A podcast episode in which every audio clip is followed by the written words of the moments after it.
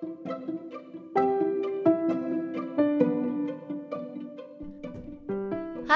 selamat datang di Curhat Si Ibu.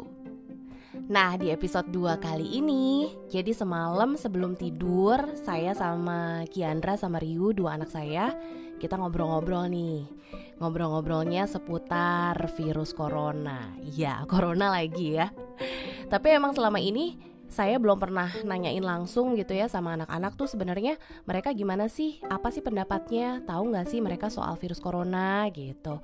Karena seenggaknya buat anak-anak yang udah sekolah itu kan pasti ikut terdampak juga ya. Karena sekolahnya diliburin dan mereka harus belajar dari rumah.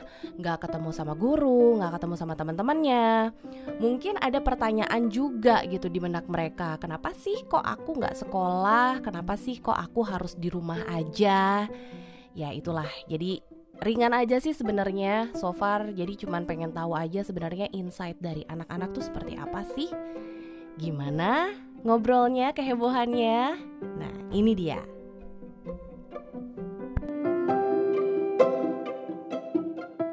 Halo, kamu siapa namanya? Ria.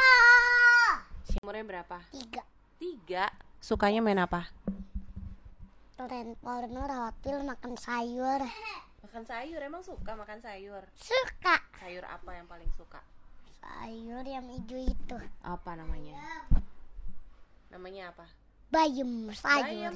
Ya, bayam diapain dimakan. pakai apa Pakai sendok. Rio lebih suka kakak libur ada di rumah atau sekolah Hmm, sekolah sama libur. kenapa Lebih bisa jem, bisa jajan, bisa main sama kakak.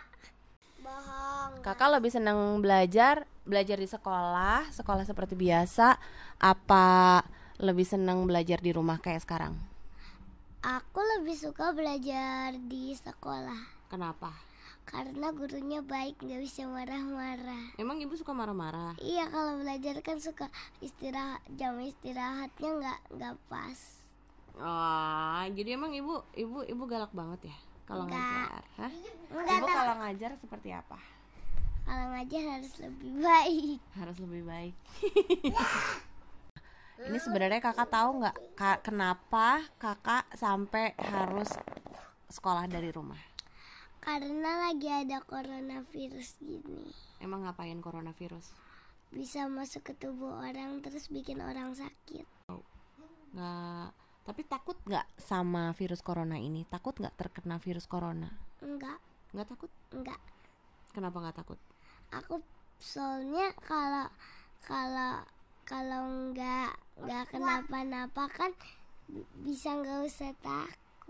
Nggak usah takut. Iya tinggal pakai masker istirahat. Udah. Oh gitu. Kalau menurut kakak apa yang harus kita lakukan supaya nggak terkena virus corona?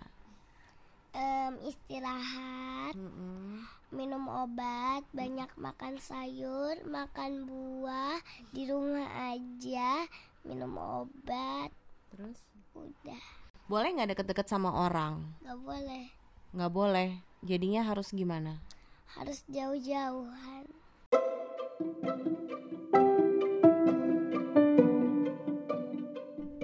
Iya, kurang lebih begitu ya obrolannya sebelum tidur.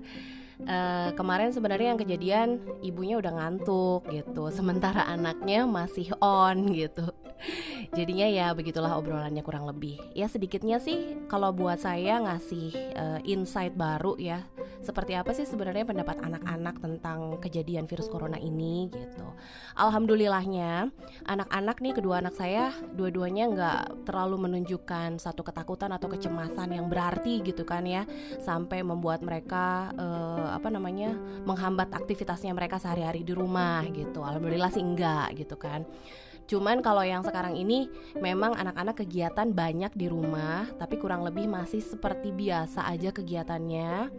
Untuk keluar rumah kita masih keluar rumah tapi di sekitar kompleks aja, tapi kita nggak keluar kompleks gitu ya. Biasanya tuh pagi-pagi tetap cari udara segar, tetap cari matahari, sekedar jalan pagi ataupun juga uh, naik sepeda gitu. Tapi itu cuman keliling kompleks aja.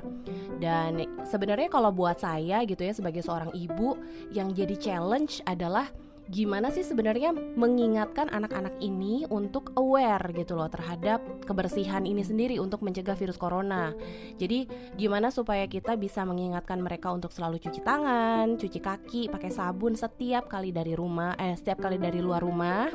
Terus juga ganti baju kalau perlu ya dan atau mungkin mandi gitu loh, mandi di waktu-waktu yang sebenarnya mungkin belum waktunya mandi buat mereka gitu ya itulah sih sebenarnya challenge yang ngingetin terus.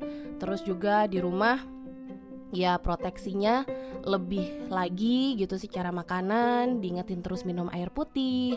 Terus juga setiap malam kalau saya sih sekarang lagi selalu nggak pengen absen untuk oles-oles essential oils di anak-anak di kaki di telapak kaki dan juga di tulang punggung mereka untuk meningkatkan daya imunitas tubuh gitu. Ya sebenarnya sih itu sih kalau buat saya challenge-nya gitu. Jadi semoga semoga aja uh, pandemi global ini cepat berakhir kita semua bisa tetap uh, beraktivitas lagi seperti biasa dan anak-anak bisa melakukan aktivitasnya lagi dan juga jangan lupa ingatkan mereka dan juga kita sekeluarga untuk tetap berdoa gitu ya mohon perlindungan Allah Subhanahu wa taala itu aja dan mudah-mudahan bisa bermanfaat ya. Sampai ketemu lagi di Curhat Ibu episode berikutnya. Dadah. Wassalamualaikum warahmatullahi wabarakatuh.